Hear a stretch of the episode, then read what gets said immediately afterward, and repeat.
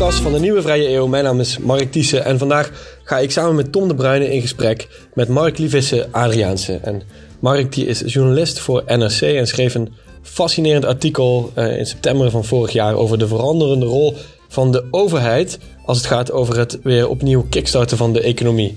Waar eerder tijdens de vorige crisis rond 2010, 2012 eigenlijk altijd bezuinigd werd, is er nu ineens een, een switch gemaakt naar juist heel veel investeren. En ook liberale partijen zoals de VVD, D66 uh, en eigenlijk veel breder uh, gezien is er veel meer draagvlak om juist uit te geven in plaats van de hand op de knip te houden. En praten met hem ook over de veranderende rol die de ideologieën spelen in onze politiek.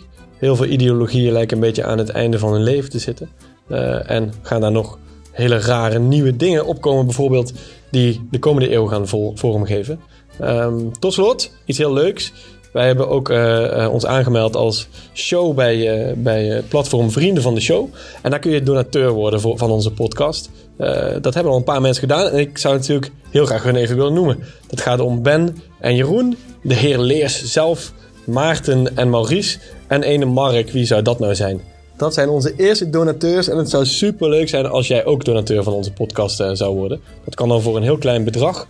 En daarvoor hoef je alleen maar te gaan naar www.vriendvandeshow.nl. En je zoekt op de nieuwe vrije eeuw. Waar je vervolgens donateur kan worden. Heel veel plezier deze aflevering. En ik hoop dat je er net zo van uh, gaat genieten als wij dat gedaan hebben. Mark Liefjes, Adriaanse, Tom de Bruyne. Super leuk dat jullie er zijn. Hey Mark. Hoi, goedemorgen. Hey Mark. Goedemorgen. Tom, jij bent er uh, natuurlijk uh, vanuit Barcelona bij dit keer. Een lekkere workation. Maar, maar even aanwezig. Ja, leuk man. Fijn. En uh, Mark, heel leuk dat jij te gast bent. We, we, hadden het al een tijdje, we hebben het al eerder geprobeerd. En volgens mij stond jij hoog bovenaan ons, ons wensenlijstje om een keertje hier in de podcast te gast te hebben. En ik denk dat het, dat het allemaal begon met een artikel dat jij voor uh, NRC schreef over uh, het, eigenlijk het overheids, overheidsingrepen uh, ingrijpen in pandemietijd. En natuurlijk ook, uh, gewoon, ik denk eerdere gesprekken die wij gehad hebben over liberalisme en hoe dat misschien aan het veranderen is en zich aan het aanpassen is aan de tijd. Um, ja, je bent de NRC-journalist. Wil je, kan je wat achtergrond geven over de stukken waar jij uh, je op richt en de onderwerpen waar jij je op richt? ja, ik, ik ben politiek journalist, dus ik zit in principe mijn standplaats is Den Haag en het Binnenhof is zeg maar mijn, mijn werkgebied. Maar ik probeer daar ook altijd in mijn stukken wel iets meer afstand van te houden, zeg maar. Dus um, niet zozeer patatbaliejournalistiek, maar meer ja, uh, over ideologie te schrijven, over bestuurs, uh, bestuurlijke verhoudingen. Um, soms ook wat meer historische stukken. Um, dus niet zozeer heel dicht op de actualiteit en daar uh, mijn plezier uithalen, zeg maar. Maar meer uit, nou, om bijvoorbeeld te noemen, ik had afgelopen zaterdag een stuk over uh, ook al de, de ethiek van de testsamenleving. En dan kun je zeggen dat is totaal niet politiek, hè, want het, het stuk gaat helemaal niet over verhoudingen op het binnenhof of over de formatie of zo. Maar voor mij is zo'n stuk ja, extreem politiek. Hè, dat het gaat over de ethiek van hoe we met elkaar samenleven en hoe we daar misschien nu, zonder het door te hebben, um, uh, ja, een nieuwe vorm van biopolitiek ingaan, om uh, dat begrip van Foucault te gebruiken. Um, dat ik dan niet in zo'n stuk kan schrijven, maar wat voor mij wel een soort van intellectuele basis is waar de nieuwsgierigheid naar het onderwerp vandaan komt.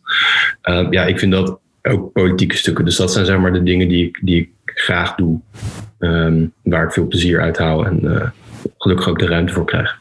Ja, en tegelijkertijd uh, lijkt me dat echt heel moeilijk in deze tijden. Hè? Dus zeker als je kijkt de afgelopen, ja, wat zal het zijn, iets meer dan een jaar.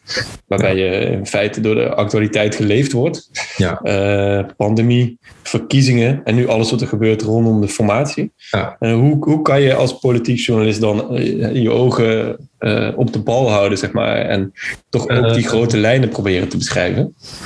Ja, ik, ik denk dat je, dat, dat je um twee dingen, of misschien drie. Um, ik denk dat inderdaad afgelopen jaar, eigenlijk sinds begin maart 2020, um, journalistiek in een soort extreem snelle permanente nieuwsstroom zit. Dus normaal gesproken, en zeker in Den Haag, je hebt soms drukke weken, soms heb je een rustige week, dan kan je een beetje bijkomen en wat meer eigen dingen doen. Het afgelopen jaar is het eigenlijk is, zijn die rustige weken er eigenlijk niet geweest.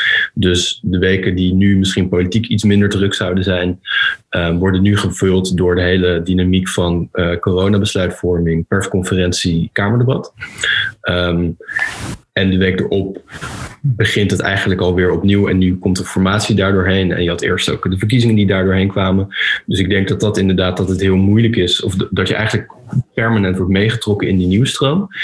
Twee is dat ik denk dat je niet altijd, um, dat je niet altijd moet richten op de bal die iedereen, waar iedereen zich op richt. Uh, het is denk ik ook prima om als journalist soms op een heel ander voetbalveld te willen staan. Um, met een hele andere bal. Um, ik denk dat, dat, dat ik karakterologisch op het moment dat iedereen naar links gaat, naar rechts ga. Dus ik hou niet van groepen, ik hou niet van groepsdynamiek, ik hou ook niet van kluitjesvoetbal, zeg maar. Um, en uh, ja, als, als, ik, als ik zie dat iedereen een bepaalde kant op gaat, dan ben ik juist heel benieuwd naar wat er aan de andere kant is. Dus ik denk dat dat dat komt als journalist komt dat heel goed van pas. Maar dat is denk ik meer ook gewoon een soort ja, recalcitrant uh, persoonlijkheid misschien. Um, dus in die zin maakt het het niet per se moeilijker om uh, ja, de lijn te volgen. Uh, of, of mijn eigen lijn te volgen. Um, maar ja, ik denk dat iedereen die in Den Haag gewerkt heeft, is het als journalist of fractiemedewerker of Kamerlid of whatever, wel ook de frustratie kent van dagen die je had voorgenomen om misschien meer te bezinnen of een boek te lezen of iets meer afstand te nemen, waarin je dan toch wordt meegetrokken door de hele nieuwsdynamiek. Nou, dat is de laatste weken is dat denk ik extreem. Met, uh, en dat begon met, met de, de foto van Kajsa Olongeren en sindsdien is het gewoon permanent ja. ja hit and run eigenlijk. Uh, maar ook daarin moet je ja, wel tijd zoeken en vinden om je eigen ding te kunnen doen. En dan helpt het dat wij bij NRC een relatief grote redactie hebben. Um, die denk ik nog altijd groter zou kunnen hebben. We komen toch altijd mensen tekort, zeg maar. Um, maar daardoor ja, kan je soms iets meer tijd nemen dan wanneer je op een kleine redactie zit met een paar politiek journalisten. Uh, en dan helpt het om chefs te hebben die je daar ook de, de ruimte voor geven. En die uh, ja, ook zeg maar lef of, of eigen ideeën stimuleren. Ja. Wat, wat, wat zijn de, eigenlijk de, de verhalen die, uh, die momenteel niet verteld worden, die eigenlijk super interessant zijn, die volop aan het spelen zijn, maar die onder de sneeuw, uh, onder de bijvoorbeeld veel meer de wie heeft gelogen en wie heeft wel wat gezegd uh, laag? Um, ik zou heel graag een keer een verhaal willen maken over um, de coronacrisis als confrontatie met bestuurlijke overmoed. en met institutionele overmoed en met institutioneel onvermogen. Uh, iemand als Mark Chavan is denk ik heel bedreven in dat soort journalistiek. Dus kijken naar de overheid als eigenlijk de uitvoering van de overheid. Um, en um, de vraag in hoeverre de overheid nog kan doen wat zij uh, zou moeten doen. Wat ze met burgers afspreken dat ze zou moeten doen. Ik denk dat het afgelopen jaar dat, dat de corona crisis aan de ene kant heeft laten zien dat de overheid veel meer kan dan we ooit voor mogelijk hebben gehouden. Dus alle bezweringen van de afgelopen 40 jaar dat iets niet kan of dat uh, de, de, politiek is nou eenmaal zo en er is geen geld voor, allemaal onzin. Um, alles kan. Um, en dat zie je het afgelopen jaar, denk ik, en ook afgelopen maand, waarbij ineens 1 miljard euro uh, en naar die, naar die testen, naar die field labs gaat, naar 1 miljard. Ik denk dat dat, dat, dat is meer dan jaarlijks naar preventie gaat. Um, er is nooit geld voor de geestelijke gezondheidszorg, nu wel hiervoor. Dus weet je, het kan, alles kan. Uh, en dat vind ik aan de ene kant heel hoopvol. Aan de andere kant denk ik dat het afgelopen jaar ook een enorme confrontatie was met alles wat de overheid niet kan. Um, uh, en zeker de Nederlandse overheid en het, het gedecentraliseerde bestuurlijke landschap. Um, waarbij je keer op keer ziet dat de overheid um, eigenlijk ja, misschien verzaakt, maar in ieder geval niet lukt om een soort permanente pandemische bescherming te bieden. Dus je ziet het misgaan met, met uh, het opschalen van de testcapaciteit, met de vaccinaties, enzovoort, enzovoort. En bronnencontactonderzoek in de zomer. Um, en dat maakt voor mij, het is ook weer een soort ontnuchtering. Dus in de uitvoering gaat heel veel mis. Um, en je ziet tegelijk dus ook dat politiek, en dat is het, het fascinerende, denk ik, nog steeds heel weinig oog heeft voor uitvoering. Dus we lezen al een paar jaar de, de stukken van met name Cenk Willink over kijk nou eens goed naar de uitvoering. We lezen alle onderzoeken ernaar. Um, een rekenkamer die er al langere tijd op hamert. en toch gebeurt het in de praktijk amper. Ehm, Hoe komt dat? Ehm, ik denk dat het een deel te maken heeft met het feit, uh, gewoon ook met capaciteit. Dus ik denk dat, dat de Kamer is, is absurd klein. Um, waardoor er heel weinig Kamerleden zijn die echt zich inhoudelijk kunnen specialiseren. Waar ik me altijd over verbaas is de omloopsnelheid van portefeuilles bij de VVD. En de VVD is nou bij uitstek de partij die al tien jaar een, een, hele grote fractie heeft, waarin je heel veel specialiteit zou kunnen ontwikkelen. Maar dat gebeurt eigenlijk niet. Ik ben 2,5 jaar justitieverslaggever geweest in Den Haag en ik heb geloof ik met vijf of zes justitiewoordvoerders van de VVD te maken gehad. Uh, omdat die steeds wisselden en er kwam steeds iemand bij en ging weer iemand af. Um, en, er, moesten, er, moesten, steeds mensen doorgeschoven worden naar justitie. Hè? Dus, dat, nou, dus dan krijg je, een snelle opvolging. Ja. maar, maar je, zag gewoon dat, dat de VVD elke, ik geloof op een gegeven moment, elke paar maanden andere justitiewoordvoerders. Ja, dat, dat snap ik niet. Ja. En je moet specialiteit ontwikkelen. En die tijd wordt niet echt geboden, ook niet bij de grote fracties. Waardoor je dus ook onvoldoende tijd hebt om je echt in de inhoud en de uitvoering te verdiepen. En tegelijkertijd denk ik dat politieke redacties ook gewoon te klein zijn. Ehm, zeker bij kranten, waardoor die zich heel erg moeten richten op ehm, ja, het nieuws van de dag, de actualiteit van de dag en onvoldoende tijd hebben om de, de, de uitvoering van beleidsvoornemens te toetsen. Ik heb geluk dat ik, dat ik die ruimte um, nou, denk ik relatief vaak gekregen heb. Ik heb een aantal jaar geleden met collega Dirk Stokmans ben ik in de, de, de OM-strafbeschikkingen gedoken. Dat zijn straffen die het Openbaar Ministerie mag opleggen zonder tussenkomst van de rechter. Um, er lagen allerlei kritische rapporten over. In de Kamer ging het er eigenlijk nooit over. Wij zijn er toen ingedoken en er bleek gewoon heel veel mis mee.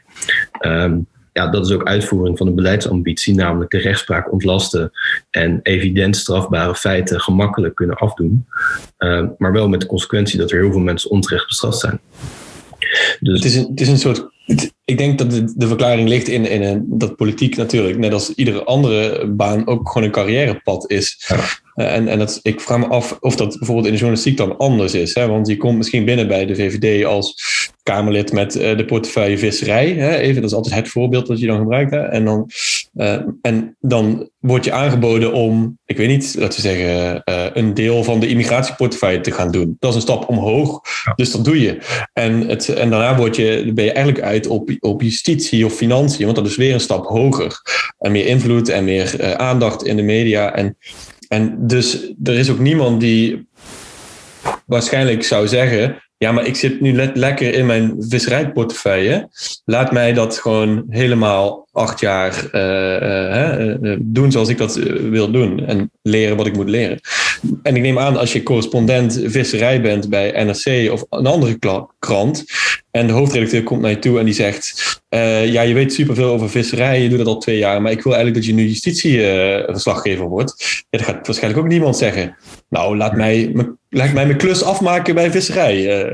Nee, zeker. Kijk, nee, absoluut. Kijk, ik heb 2,5 jaar justitie gedaan. Um, bijna drie jaar.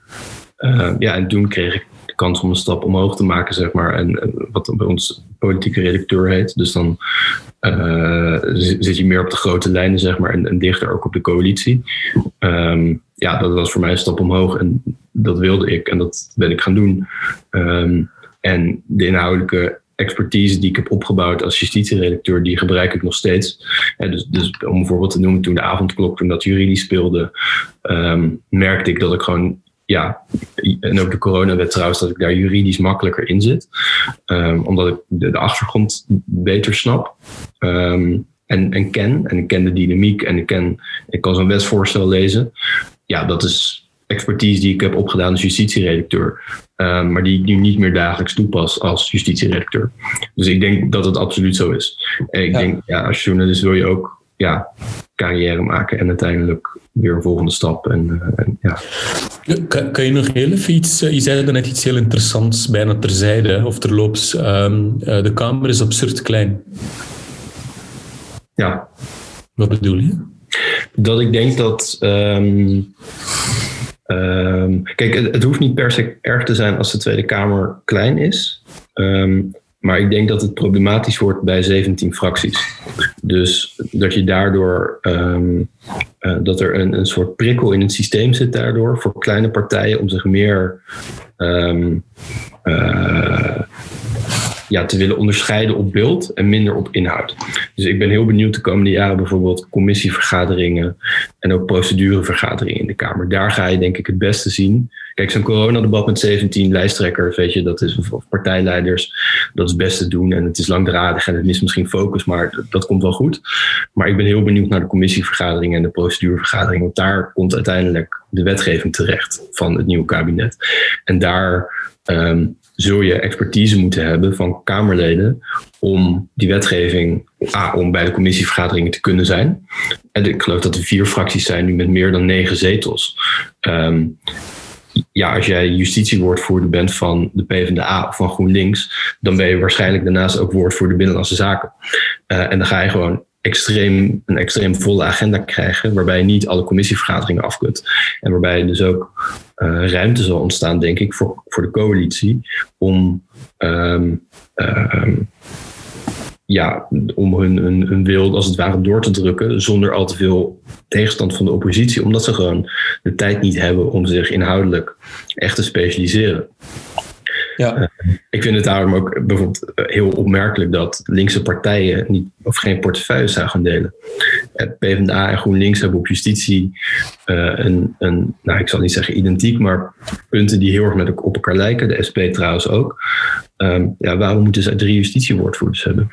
Waarom moeten zij drie binnenlandse zakenwoordvoerders hebben? Um, financieel woordvoerders voor partijen die, en dat is zeker zo voor GroenLinks en PvdA, die heel erg op elkaar lijken. Waarom, zou je binnen die fracties afhankelijk ja, expertise moeten opbouwen? Uh, je staat waarschijnlijk sterker als je één goede justitiewoordvoerder hebt, die misschien ondersteund wordt door twee andere Kamerleden die een deel ervan doen. En je hebt eigenlijk bijvoorbeeld voor politie of voor rechtspraak een, een, een Kamerlid als zich nodig, omdat het gewoon enorme dossiers zijn. Ja, en als je die niet hebt, dan en daar ook niet de ruimte voor hebt, of de omvang van de fractie, um, dan denk ik dat dat, dat, dat uh, de zorgen die er nu zijn over de kwaliteit van uitvoering en van beleid, de komende jaren alleen maar groter kunnen worden, omdat het de Kamer ontbreekt aan de, de omvang om, uh, en daarmee de inhoudelijke expertise om beleid goed controleren. Ja, ja.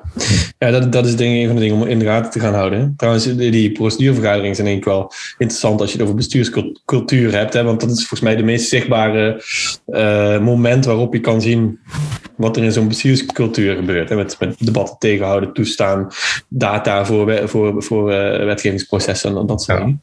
De VVD die ineens uh, met alle vijf woordvoerders ja. justitie te maken hebben bij een procedurevergadering zitten. Ja, dan weet je dat er iets aan de hand is. Die hebben allemaal Ja. En, en andersom soms, hè, als je ook op zo'n fractie werkt, krijg je, weet je, dat dan zit je bij iemand op kantoor en ineens krijgt iemand een sms'je van je moet nu naar die procedurevergadering komen, want een andere partij is iets, is iets aan het doen ja. daar en dan hop, iedereen naar die procedure.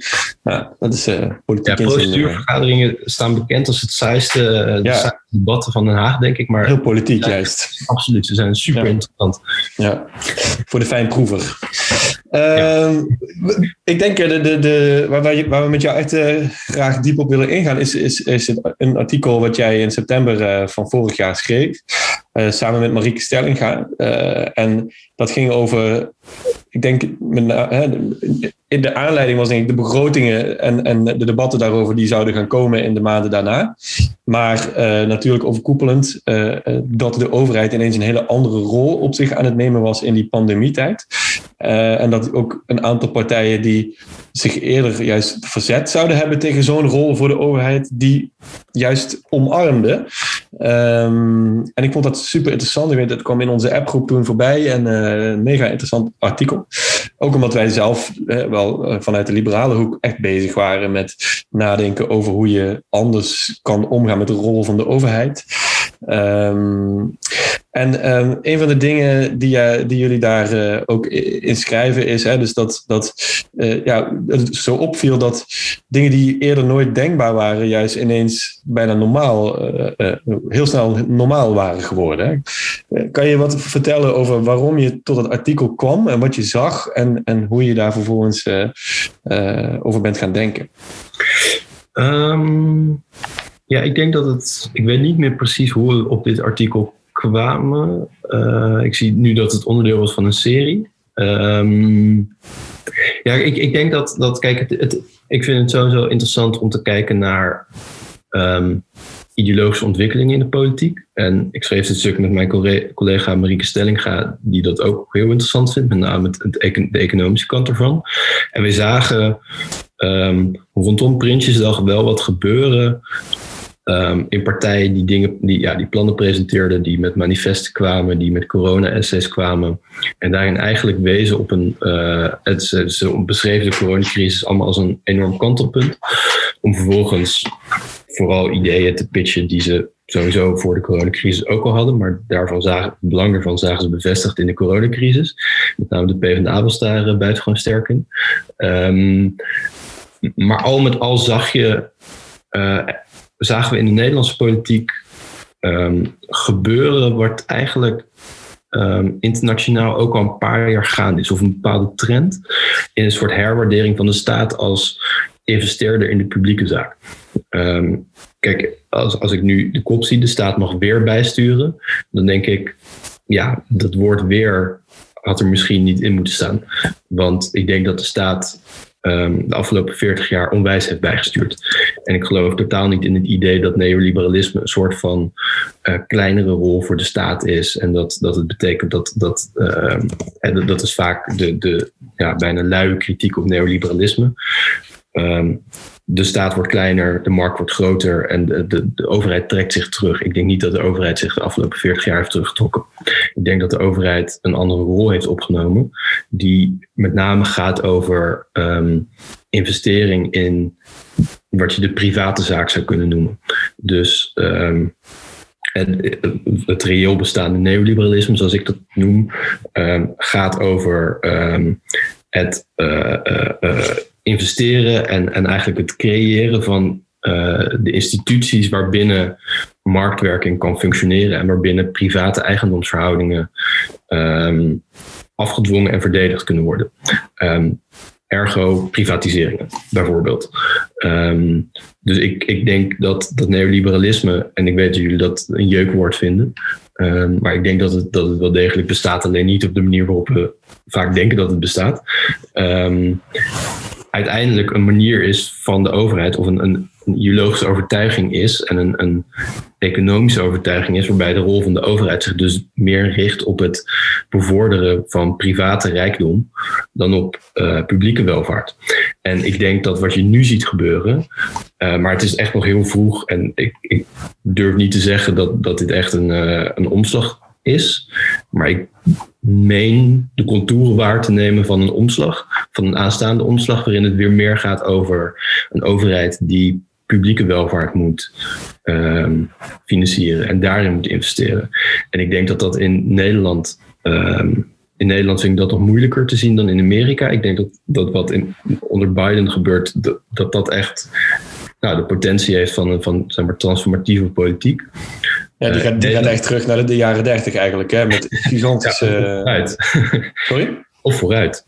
Ik, ja, nee, ik bedoel, het, put ook inspiratie ja, uit, uit die tijd. Uh, ja, ja, ja. In ieder geval uit de, de, de kanten, uit de, de, de New Deal en Zeker, de investeringen die toen gedaan werden in maatschappij en economie. Ja, ja, is het, precies. En, en, en zo'n zo'n Jellen, uh, die, Jellen, ik weet niet hoe je, hoe je haar naam uitspreekt, maar zijn, zijn economisch adviseur, die een, een wereldwijde bedrijvenbelasting wil. Kijk, dat is transformatieve economische politiek.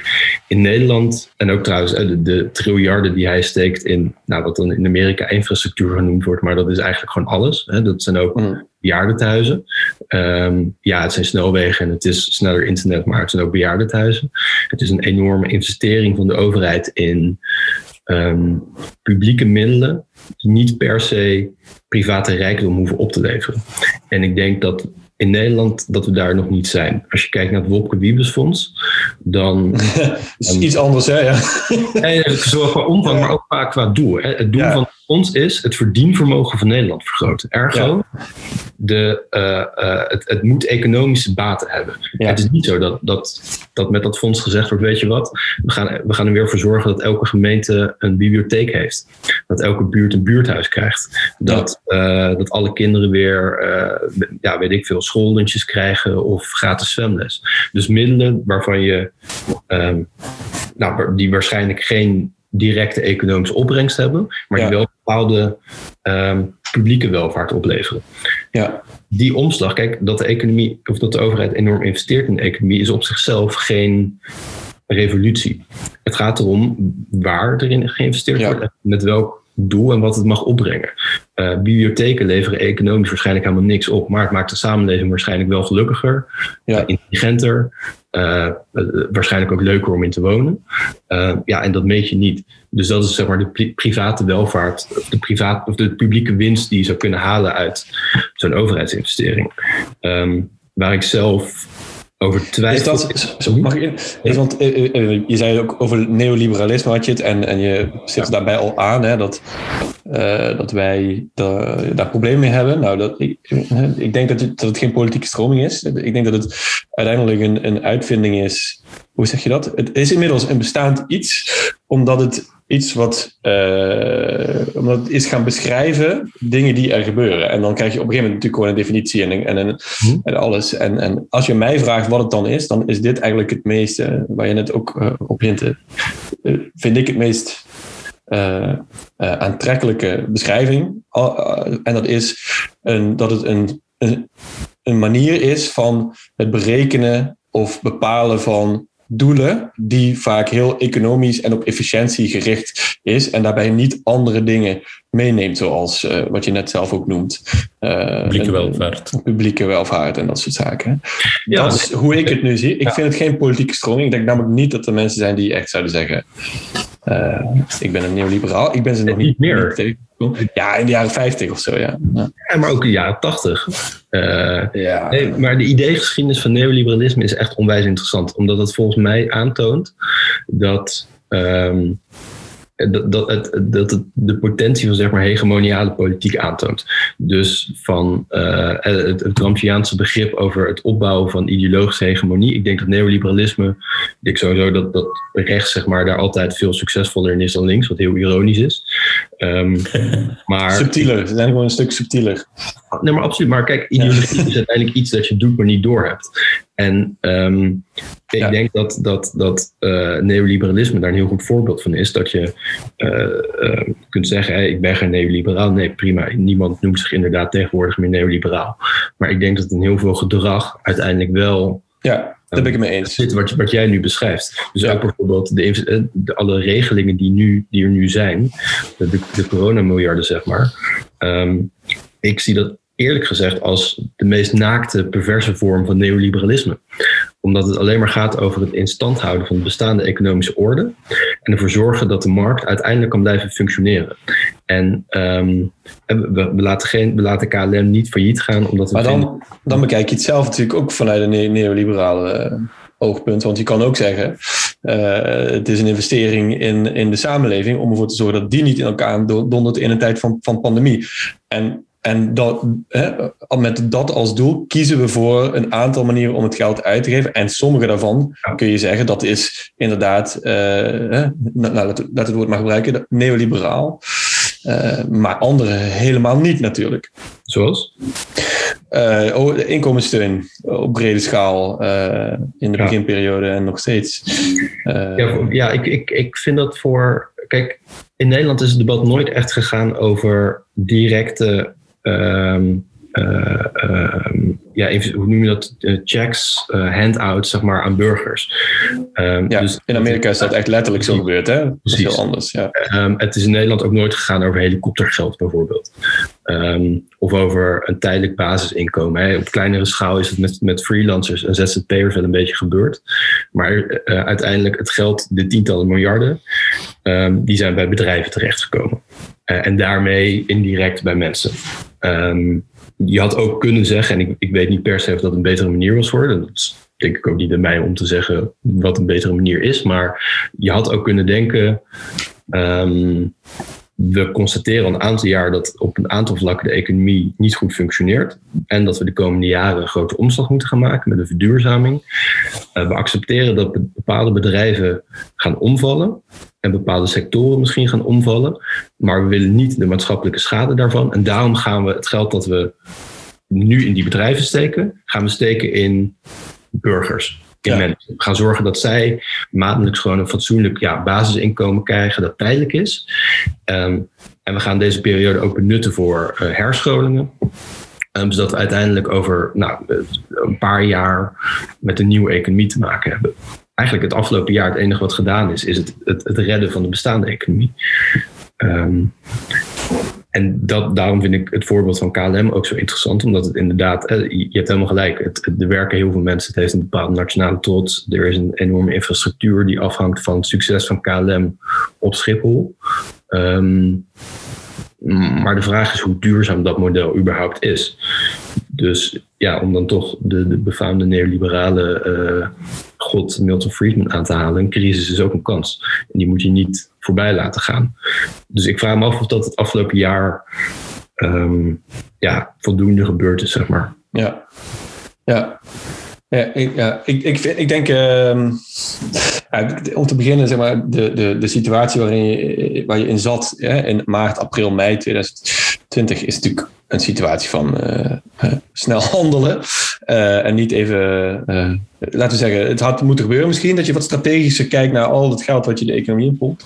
Maar was daar echt de ruimte voor op dat moment? Dat is lastig, hè? Ja, natuurlijk niet. nee, precies. En, en um, ik, de, ja, ik, ik, zag het wel, ik zag het wel echt als een, als een, uh, een ongekende stap. Die, die, die investeringen in economie en maatschappij in die tijd. Zeker, ik ook hoor. Um, als, je, ja. als, je, dat vergelijkt met 2010, 2012, zeg maar, uh, waar het echt uh, de, de redenering was, uh, moet bezuinigd worden. En, en, en, maakt eigenlijk niet zo gek veel uit waarop ook. Hè. Moet, iedereen moet gewoon bezuinigen. En ook van die, van die bizarre uh, 10% kortingen ge gegeven op alle instanties. Van natuurlijk, snap ik wel, want het is makkelijk en het brengt snel geld op. Alleen lange termijn is het waarschijnlijk funest voor bepaalde overheidsdiensten ah, ja, die je kan bieden. En voor de publieke welvaart. Ja, precies. Ja. En die schrift die, die je ziet is misschien dan meer dit. Hè? Dus dat mensen in de afgelopen tien jaar anders zijn gaan denken over die eh, de, de, de, meetbare doelen of zo die je bij je overheidsbeleid en, uh, en zo gaat stellen. Dat het niet alleen meer is uh, efficiëntie, groei en dat soort zaken. Dat er dus andere dingen bij komen. Um, waar je trouwens voor, voor KLM nog wel een, een ander argument zou kunnen brengen dan, dan economisch. En dat is gewoon uh, kritische infrastructuur en, en geopolitiek. Um, en dat is een interessante ontwikkeling, denk ik. Dus dat, dat, er meer dingen bij zijn gekomen. En jullie schrijven ook in het stuk over Matsukato bijvoorbeeld. Hè? Een van onze, ja, ik denk eh, Tom, dat, dat jij dat wel deelt. Hè? Een van de uh, economen die wij het meest interessant vinden op dit moment. Hoe zij nadenkt over juist een nieuwe soort economie. Die aan de ene kant heel liberaal is, vind ik. En aan de andere kant ook weer een aanval op de liberale markteconomie zoals die nu of de afgelopen 25 jaar misschien is, is opgezet. Um, zie jij dingen van haar wel terug in, in bijvoorbeeld die coronapakketten of misschien wat er de komende jaren zal gaan gebeuren? Um, weet ik niet, omdat ik Matsukato nog moeilijk te plaatsen vind.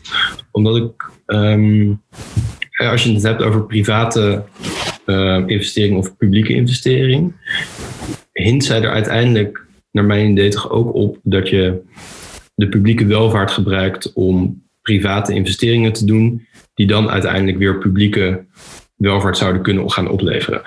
Ik vind dat niet per se een hele radicale breuk. Um, en wat ik het aardige vind aan heel veel um, linkse economen en ook linkse politici, is dat ze eigenlijk een onwijs groot geloof hebben in kapitalisme.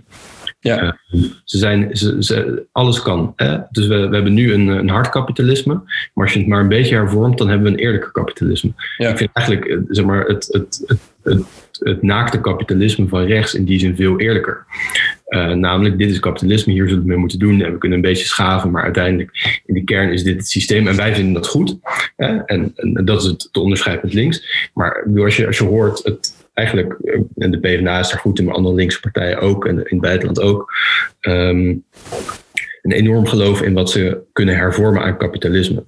Um, en dat zie je ook heel sterk terug, denk ik, bij Matsukato. Als je het hebt over coronapakketten, ik denk dat je. Um, uh, kijk, een, deel zal ook blijken uit hoe landen in Europa de Europese uh, steun gaan inzetten. Over Nederland weten we dat nog niet. En Nederland schrijft dat voor zich uit. Um, Italië lijkt het te gaan gebruiken voor een aantal hervormingen. Volgens mij niet zozeer voor echt publieke investeringen. Ik vind Amerika onwijs interessant. Um, om heel veel redenen, waarvan ik er net al een paar noemde met zeg maar, het economisch beleid van Biden, dat wel echt een, een verandering lijkt te gaan zijn. Maar ook omdat de manier waarop zij geïnvesteerd hebben in vaccins het afgelopen jaar, volgens mij tekstboek Matsukato is. Um, ja. Dat Europa, waar we allemaal zo, zo uh, sociaal-democratisch zouden zijn, eigenlijk op een hele klassiek liberale manier uh, die onderhandelingen heeft gedaan. Namelijk als een soort consument. De Europese Commissie was de consument die vaccins wilde kopen en we wilden een betere uh, betere prijs. Betere prijs hebben, ja. En, daarna, en, daarnaast ook uh, zijn wij heel open in waar onze vaccins hè, de, ja. de, heen gaan. Dat was dus Amerika on, was het volgens mij ondenkbaar dat daar een fabriek staat die eerst dingen naar Europa zou verschepen en vervolgens naar Amerika. Dus ook daar heeft Europa een redelijk liberale, denk ik, uh, houding gehad die in de praktijk misschien nou, Amerika heeft gewoon uh, een soort oorlogseconomisch ja. beleid gevoerd. Ja. Door te zeggen, dit vinden we te belangrijk, whatever it takes, wij gaan die vaccins... America first. Uh, ja, nou ja, maar dit is uh, Operation Warp Speed van Donald Trump. Ja, daar is dit, dit wel een, het is wel een succes. Ja, Um, ik vind het wel interessant wat je zegt. Je, uh, je hebt een paar keer gezegd: uh, het, dit zijn geen radicale veranderingen. Hè? En, dan, en dan komt bij mij eerst natuurlijk de, de, de reacties: maar zijn er dan radicale veranderingen nodig? Of zit ik dan in dat kamp wat je net beschrijft, die eigenlijk op zoek zijn naar het bijsturen en het, het sturen op gewenstere uitkomsten op andere gebieden dan alleen de economie, zeg maar. Ja. Uh, dat is natuurlijk wel een centrale vraag. Hè? En ik, ik vind zelf altijd bijvoorbeeld heel lastig om echt een case te maken tegen het kapitalisme of tegen het, het, uh, uh, ook de vrije markt en liberalisme, omdat als ik naar de uitkomsten kijk, en het is natuurlijk nooit een totaal vrije markt of een totaal ongelimiteerd kapitalisme geweest, maar als ik kijk naar de uitkomsten, ja, het is ongelooflijk. Het is echt ongelooflijk hoe slim, hoe rijk, hoe gelukkig en veilig wij inmiddels zijn. En een van de dingen die mij opvalt aan kritieken op kapitalisme en op ook nou ja, liberalisme, al, al dan niet neo, uh, is dat er gezegd wordt: we gaan nu naar een. Uh, uh, voor het eerst gaan we naar een generatie die het niet per definitie beter gaat krijgen dan de generatie daarvoor. En dan denk ik, nou, dat is niet waar. Want dat is pas waar geworden op het moment dat we de vrije markt en het kapitalisme en het liberalisme met elkaar gingen verenigen. Toen werd het een waarheid dat een generatie het beter zou gaan krijgen dan de generatie daarvoor. Daarvoor is dat nooit een soort van wet geweest. Hè? Het is maar altijd ik, ik, een ja, maar, maar is het niet juist ook zeg maar, de sociaal-democratische consensus van de eerste 30 jaar na de oorlog, die ervoor heeft gezorgd dat uh, onze ouders het beter kregen dan hun ouders en dat wij het misschien ook weer beter krijgen dan, dan onze ouders? Dus het feit dat er juist tussen 1946 en 19, nou, zeg 76, uh, natuurlijk geen heel kapitalistisch beleid gevoerd is. Dat dit juist een, een heel geremd kapitalisme was met heel veel reguleringen. Um, die heel veel publieke welvaart opleverden en iets minder um, uh, ongelijk verdeelde private rijkdom. En dat sinds die reguleringen weggehaald zijn, of verminderd, en, waar we het net over hadden, de rol van de staat meer gericht is op het bevorderen van private rijkdom dan op publieke welvaart. Um, met het idee dat dat dan uiteindelijk, dat het is rechtvaardig om private rijkdom te stimuleren. Want die mensen die kunnen iets goeds en het levert de werkgelegenheid op en via hun zijpelt het naar beneden. Um, ik denk dat dat de verandering is geweest. Um, en dat dat er deels toe heeft geleid dat wij het misschien qua inkomen minder krijgen dan onze ouders. Of dat, nou, jouw kinderen het misschien. Uh, ik heb geen kinderen nog, maar misschien jouw kinderen het, het economisch minder krijgen dan, dan jij. Uh, mijn, mijn kinderen krijgen het supergoed, joh. Ik ben ondernemer en kapitalist. Dus ik ga uh, vanaf volgend jaar beginnen met het opkopen van panden. En dat ga ik overdragen aan mijn nageslacht. En dat wordt een soort van renteniersklasse die ik zelf gecreëerd heb. Dus dat past volledig bij mijn eigen denkbeelden. maar, maar, maar, wat je daarnet zei, wat je daarnet zei Mark, dat is wel interessant. Dus je zei van uiteindelijk de, de kritiek van links um, gaat, gaat slechts over ja, wat, met een klein beetje tinkeren links en rechts binnen het paradigma of binnen de ideologie van het kapitalisme. Wat is dan het alternatief die mogelijk zou zijn? Ja, het, het grappige of het fascinerende is natuurlijk dat, dat er heel weinig alternatieven zijn. Ja. Um, en dat um, eh, uh, semantisch gezien links altijd wel een alternatief weet te presenteren, maar dat het inhoudelijk nooit echt afwijkt van het bestaande. Dus uh, ik denk dat, dat uh, de afgelopen, nou, sinds 1989 zeg maar, het, het antagonisme in de politiek van twee botsende, fundamenteel verschillende wereldvisies um, verdwenen is.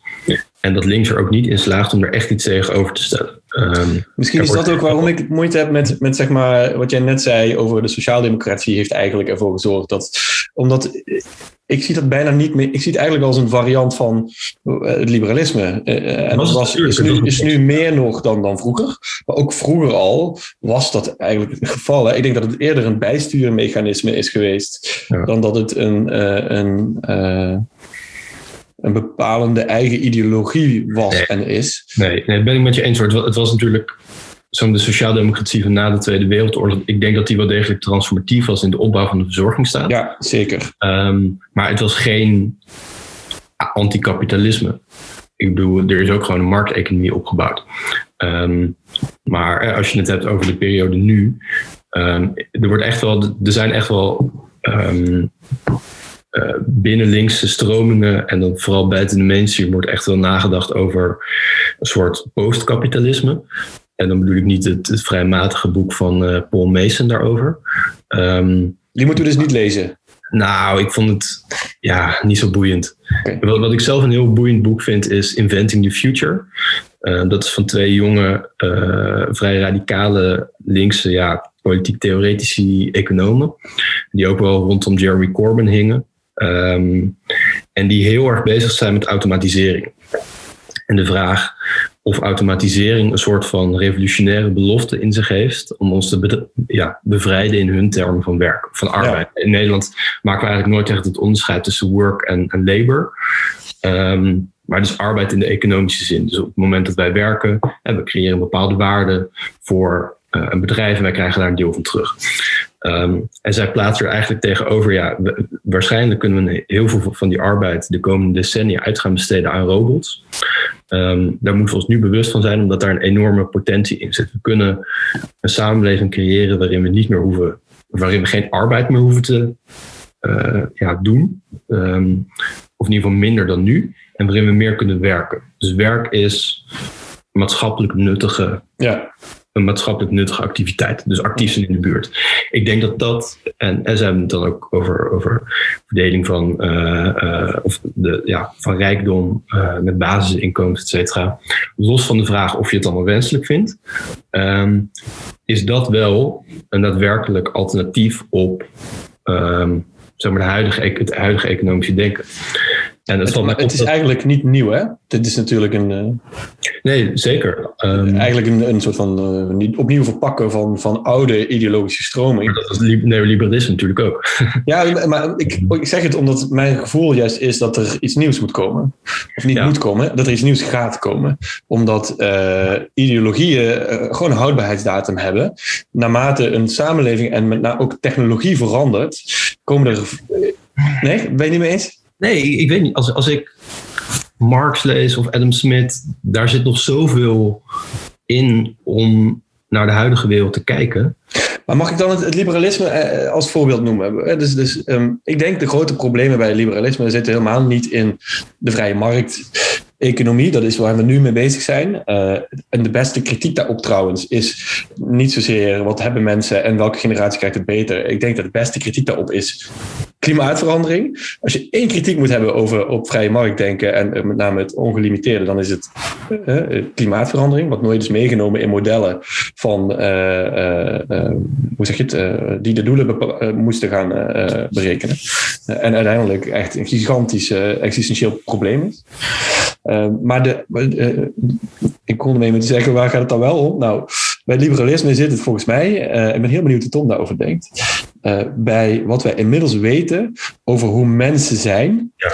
en hoe ze denken en beslissingen maken. Uh, in combinatie met de technologie die ontwikkeld is, uh, waarmee we dat kunnen veranderen, beïnvloeden, sturen en zelfs genetisch uh, modificeren. Als dat dat kan bijna niet anders dan een tikkende tijdbom zijn onder het idee van de, de vrij opererende mens met een vrije wil in een vrije samenleving met een democratie en een, en een, en een markt en alles. Als, als ik hier tussendoor iets mag zeggen, dit, dit, deze observatie is, uh, om jullie nu een veer te geven, um, wat vind ik zeg maar, jullie groepje VVD'ers zo onwijs interessant maakt. Omdat het eigenlijk een bom legt onder de verlichting. Ja. Um, en onder je eigen uh, ideologie. En um, dat je um, in de politiek en binnen partijen eigenlijk op weinig plekken mensen vindt met dit lef. En uh, met deze zelftwijfel. Maar goed, dit is een, een side note. Maar dat is, ik bedoel, dit is ook een reden waarom ik jullie podcast interessant vind. En waarom ik het ook interessant vind hoe Dijkhoff over dit soort dingen nadenkt. Ja. Um, dit, dit, is een stukje wat we gaan uh, uitknippen en op YouTube zetten.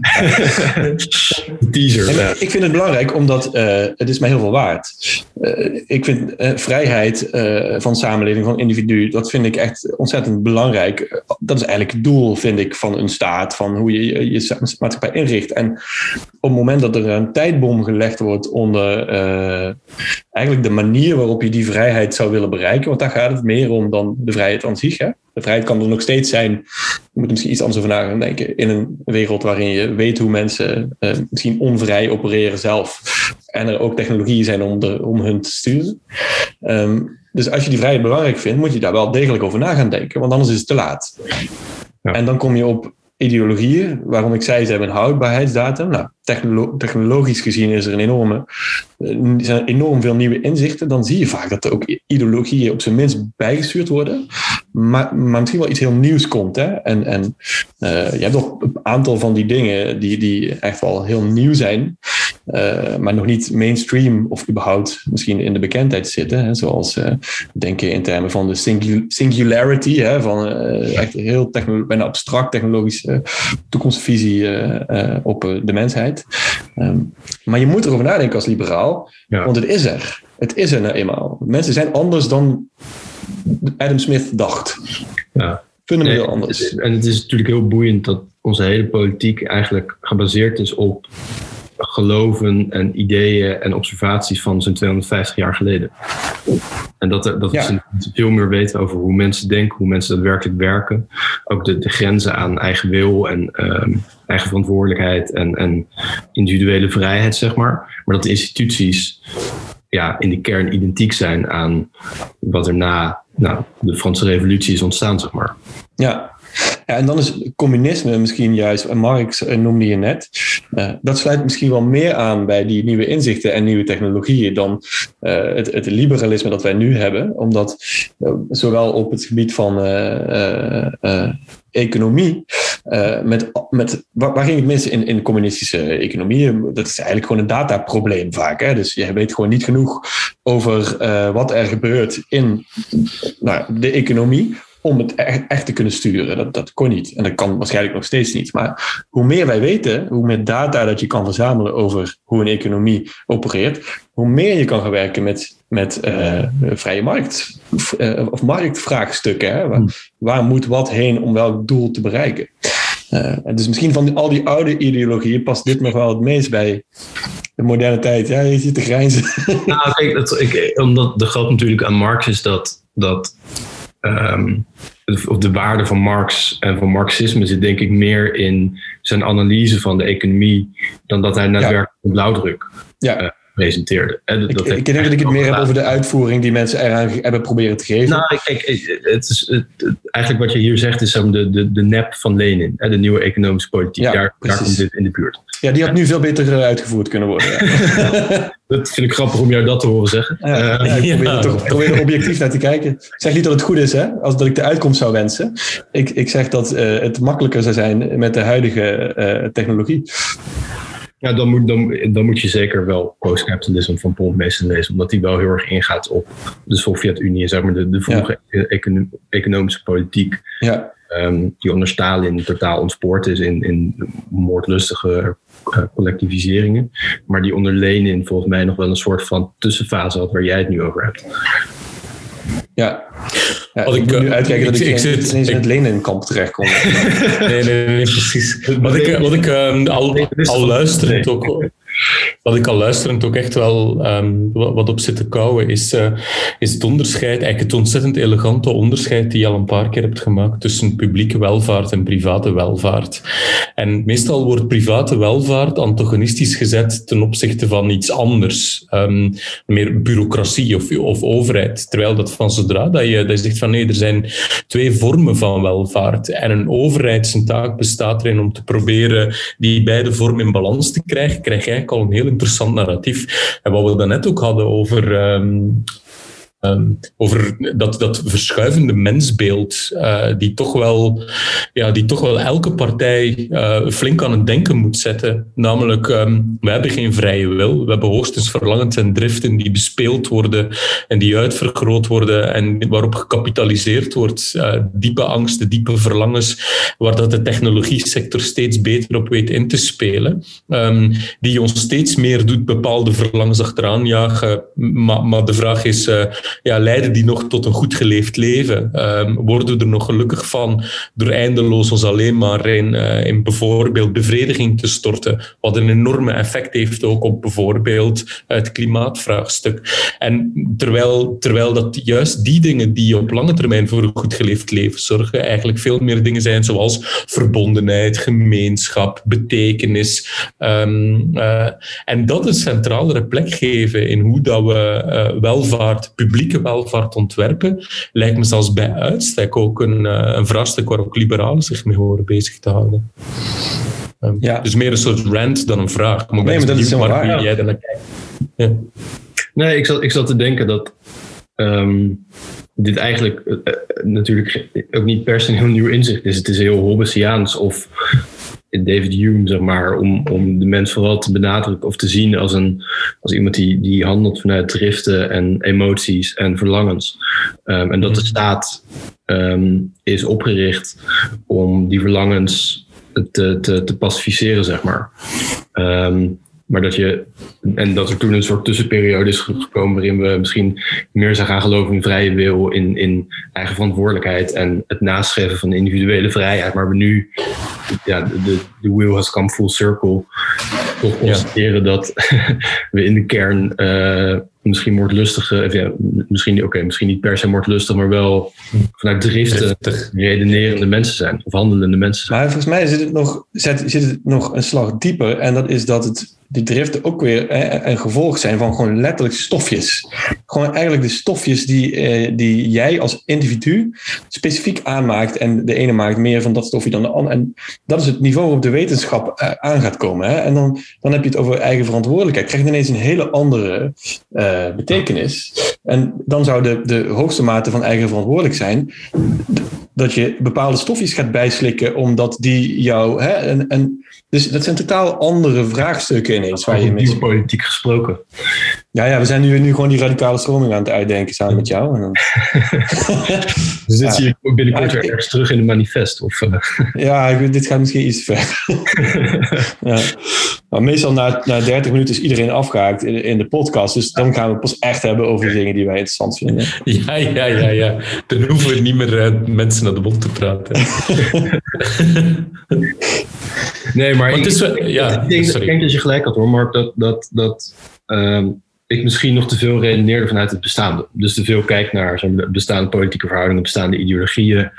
ehm, en te weinig oog heb voor ehm, de radicale potentie van iets compleets, compleet nieuws.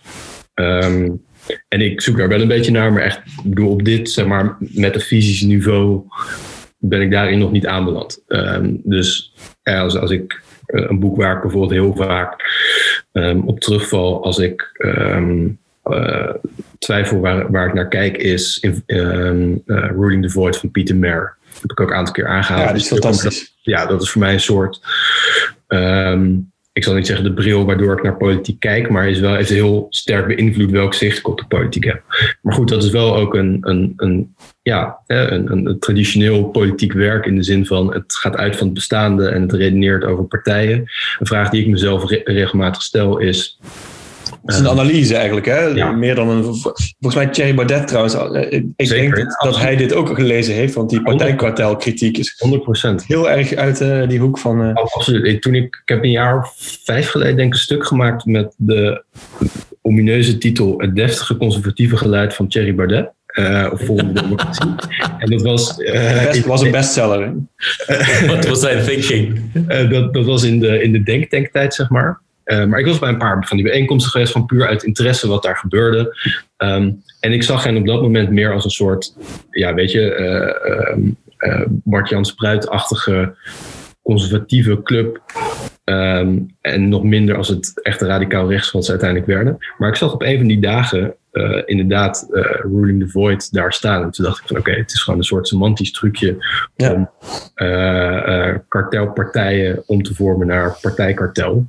Um, wat natuurlijk, uh, hij, hij presenteert, dat is het fascinerende ook, hij presenteert dat en de hele bestaande politieke orde staat op de achterste benen om te, te zeggen dat het totale onzin is en dat het allemaal gek is. Terwijl eigenlijk gewoon een heel degelijk uh, mainstream politicologische observatie is. Um, maar wat, waar ik naartoe wilde was, ik vraag me ook eens af, zijn er andere vormen van, van democratie mogelijk um, die niet meer leunen op de 20, 20e eeuwste uitvinding van de politieke partij. Um, of misschien zelfs van representatieve democratie. Um, en, Weet je het werk van Van Rijbroek en zo over. Uh... Ja, ik, ja ik, ik, vind loting interessant, maar ik, ik, ik ja, ik, ik weet zou kunnen, echt. Nou, het zou kunnen. Kijk, wat ook interessant kan zijn, bijvoorbeeld, dat hebben ze in Ierland een aantal jaar geleden gedaan met een groot burgerforum over abortus. Dus constateerden daar breed in de politiek: dit leeft maatschappelijk en dit leeft politiek, maar we weten eigenlijk niet welke kant het op moet.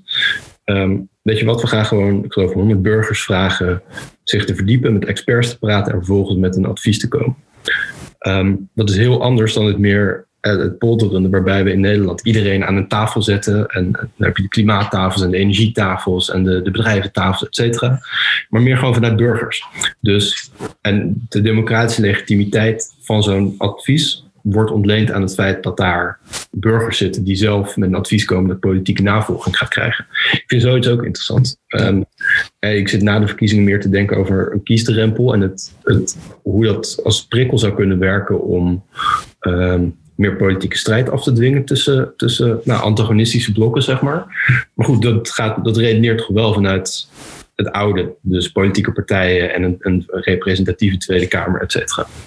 Um, het valt mij ook op hoor, dat, dat als het gaat om democratische vernieuwing, dat dat um, eigenlijk altijd blijft hangen binnen uh, de bestaande instituties. Of yeah. wat Van Mierlo 50 jaar geleden heeft geschreven. Wat heel, ik bedoel dat als je de teksten van Van Mierlo en Van Tijn leest uit de jaren 70 of 60, die kan je bijna zwart op wit kopiëren naar de huidige tijd. Um, maar echt de daadwerkelijke democratische vernieuwing, die misschien ook in uh, alles wat jullie net zeiden over menselijke driften meeneemt, ja, die zie je eigenlijk nergens. Nee, het is ook heel moeilijk, hè? Dus uh, ik denk dat je kan, het is één ding om zeg maar, uh, dit soort dingen te signaleren en om dat vervolgens om te zetten in een, een nieuwe ideologie. Dat is echt. Ja, ik ben benieuwd of jullie Radical Markets hebben gelezen. Radical Markets? Ja, want dat gaat hier eigenlijk over. Okay. Um, dat is uh, eigenlijk, ze, hebben, ze stellen op een gegeven moment iets voor over kwadratisch stemmen. Um, ik heb het met mijn leesclub gelezen en we hebben vervolgens geprobeerd om aan de hand van kwadratisch stemmen te bepalen welk boek we vervolgens moesten gelezen. Nou, dat bleek totaal ondoenlijk. Um, maar het is wel. Uh, Eh, ik denk dat jullie het best een interessant boek zouden vinden. De Hans van Mierlo Stichting eh, heeft het in Nederland een beetje gekaapt. Dus daar mogen jullie Koen voor bedanken. Eh, Ja. Koen is ook een keer bij ons te gast geweest. eh, ja, daarom. Ehm, maar ik denk dat jullie dat best, best een boeiend boek zouden vinden. Omdat het eh, ook een beetje ehm, buiten het bestaande denkt, zeg maar. ja. Ja, Want dat is wel een beetje het probleem. Dat is een beetje het probleem met heel die, dat denken rond democratische vernieuwing. Is dat het bijna meer een soort vormvernieuwing is, zonder ideologische vernieuwing. En datgene wat ons altijd van, eigenlijk de reden waarom we ooit deze podcast gestart zijn, vertrok vanuit het denken van, ja, wat, wat zijn nieuwe mentale modellen om te gaan nadenken van wat is nu een goed ontworpen samenleving? Dus waarin dat, eh, dat individuen eh, zich maximaal kunnen ontplooien, waarin dat welvaart op een duurzame manier eh, wordt, eh, wordt vormgegeven, ja, waarin mensen, ja, eh, waarin er ruimte is om je te ontwikkelen en dus gelukkig te zijn. En eigenlijk dat, dat is iets wat Klaas het hier een paar keer ook over gehad heeft in, in de podcast, is denken vanuit dat soort first principles is, is veel fascinerender. Namelijk, wat, wat zijn onze first principles over, om na te denken over de goed ontworpen samenleving? En dat is denk ik wat jij het ook over hebt wanneer je het hebt over we missen die antagonistische blokken, omdat er geen debat meer is over wat zijn onze primaire uitgangspunten over wat die goed ontworpen samenleving zou moeten zijn. Ja, er, er, is geen, ehm, er zijn amper botsende visies op het goede. Hmm. Ik denk dat FVD daar nog wel een uitzondering op is. Ja, En ik weet inderdaad. niet of bij één ehm, een soort linkse FVD kan worden. Waarmee ik bedoel een soort contra-hegemonische politieke beweging. Grappig. Ehm, ik denk dat zij daar wel de potentie voor hebben, maar dat het gewoon nog te vroeg is om te zeggen eh, welke houding Simons bijvoorbeeld in de Kamer gaat aannemen.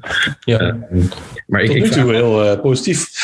Ik, ik heb niet het idee Ja, dat zij... nee, ze, ze lijkt minder radicaal dan haar achterban. Ah, ja, ik weet niet of het positief of negatief is, omdat het ook weer voor vervreemding misschien van haar achterban kan ja, dat zou kunnen. Ehm, maar ik vraag me een aantal, aantal jaar af, wat als er in Nederland een soort linkse FVD zou zijn? Ja. Dus een partij met hetzelfde populisme, dezelfde campagnemethode. Dat is Geert Wilders. Nee, nee, echt niet. en, en dezelfde zeg maar, contra-hegemonische strategie om het bestaande Ja. radicaal omver te willen werken. ja. Ik Maar denk dat die partij één- gaan zijn. Maar Kijk, het is natuurlijk wel. ehm, hebben we het nou over radicaal verschillende ideologie? Of radicaal verschillen in de middelen die je toepast om, je, om invloed te krijgen? In het geval van Baudet zit het niet zozeer. De ideologie is niet zo raar als je, ja, wel op het rassengebied, maar even kijken naar economie en zo. Het is allemaal eh, eigenlijk eh, hetzelfde als. is heel mainstream, behalve dat, dat zijn manier om aandacht te krijgen en politiek te bedrijven zeer radicaal is. Eh, en op bepaalde onderwerpen hij ook gewoon niet heel vernieuwend trouwens, want we kennen het wel ergens van, zijn gedachten over, eh, over immigratie en ras en, eh, en dat soort dingen. Maar het is geen nieuwe ideologie, het is Nee. meer Nee, maar- Ja, hij is-. Sorry, maar hij is wel de enige die wel een visie heeft over hoe zou een, een soort samenleving wat je wel wil hebben, wat je wel wil kopen. Dat is wel een verhaal die hij weet te vertellen. Ja. Maar dat is, dat, wat voor samenleving is dat? Nou ja, die, die conservatieve samenleving, waarin dat je een gevoel van gemeenschap weer met elkaar kan krijgen aan de hand van eh, zeer radicaal traditionele waardegemeenschap.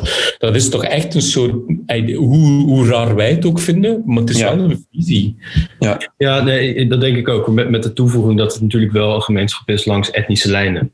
Ja, Um, en dat, dat hem dat denk ik ook onderscheidt van ehm, nou, zeg maar het conservatieve of deftige conservatieve geluid dat je elders ook wel kunt vinden.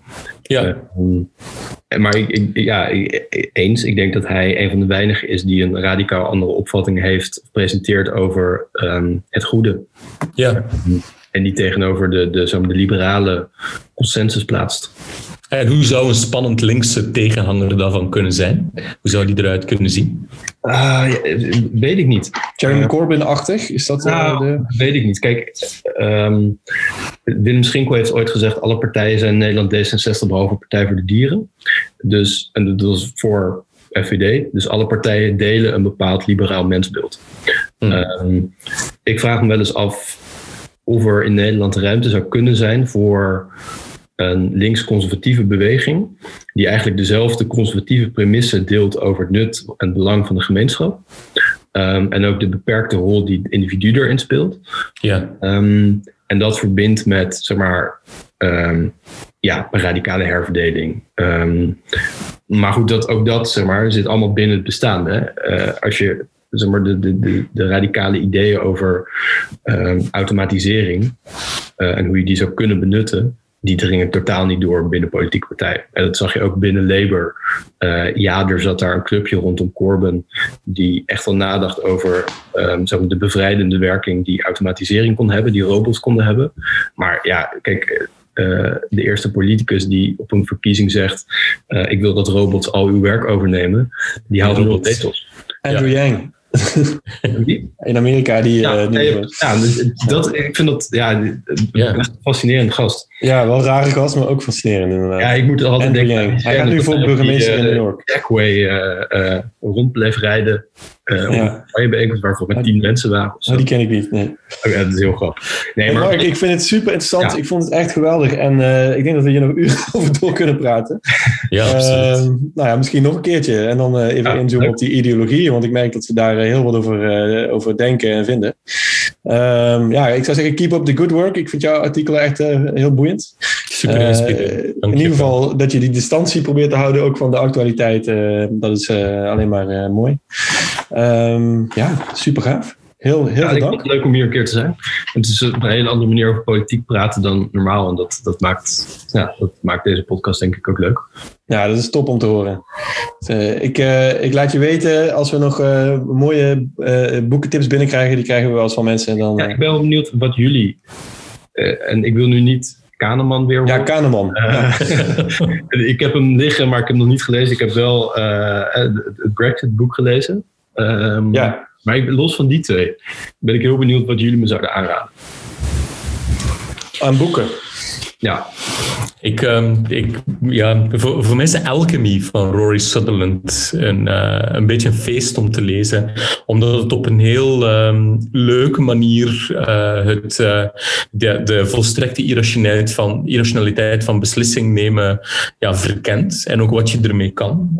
Dus dat, dat is echt een soort prettige introductie in het onderwerp. Ik moet zeggen dat ik de laatste... ehm, eh, het laatste boek dat ik gelezen heb, toch wel wat onder mijn huid is gaan kruipen. A False Alarm van Bjorn Lomborg. Ehm, die eigenlijk een. Is, eh, Bjorn Lomborg is, de, is het hoofd van de denktank de Copenhagen Consensus. En ehm, die eigenlijk vanuit echt soort radicaal economisch denken gaat nadenken over. ehm, welk soort klimaatbeleid eh, houdt steek vanuit economie en eigenlijk brandhout maakt van het complete klimaatbeleid. Eh, zonder eh, klimaatverandering ook maar enigszins de consensus daarover te challengen. En ehm, dus, dus best wel een, een redelijk, ehm, ja, een redelijk boek waar ik ook heel benieuwd ben ook wat jij ook over zou denken. cool. Ik heb ze op mijn lijstje gezet. Top. Ja, Ik, eh, ik, ik kon even geen boek bedenken denk- anders dan Kahneman. Sorry. Maar eh, ik, ben, ik luister wel heel graag naar de podcast van eh, Sam Harris. Ah, ja. Die ook veel bezig is met de dingen waar we net over hadden. Met name over technologie en mens. The Undoing Project, het boek van Michael Lewis over de samenwerking Kahneman. tussen Kahneman en Tversky, is eigenlijk een, een leuker leesvoer dan, ehm, dan de theorie zelf. Dat is waar. Hey, super bedankt mannen. En eh, tot de volgende keer. Dus, oké. Dankjewel. Tegen Mark. Tegen Mark.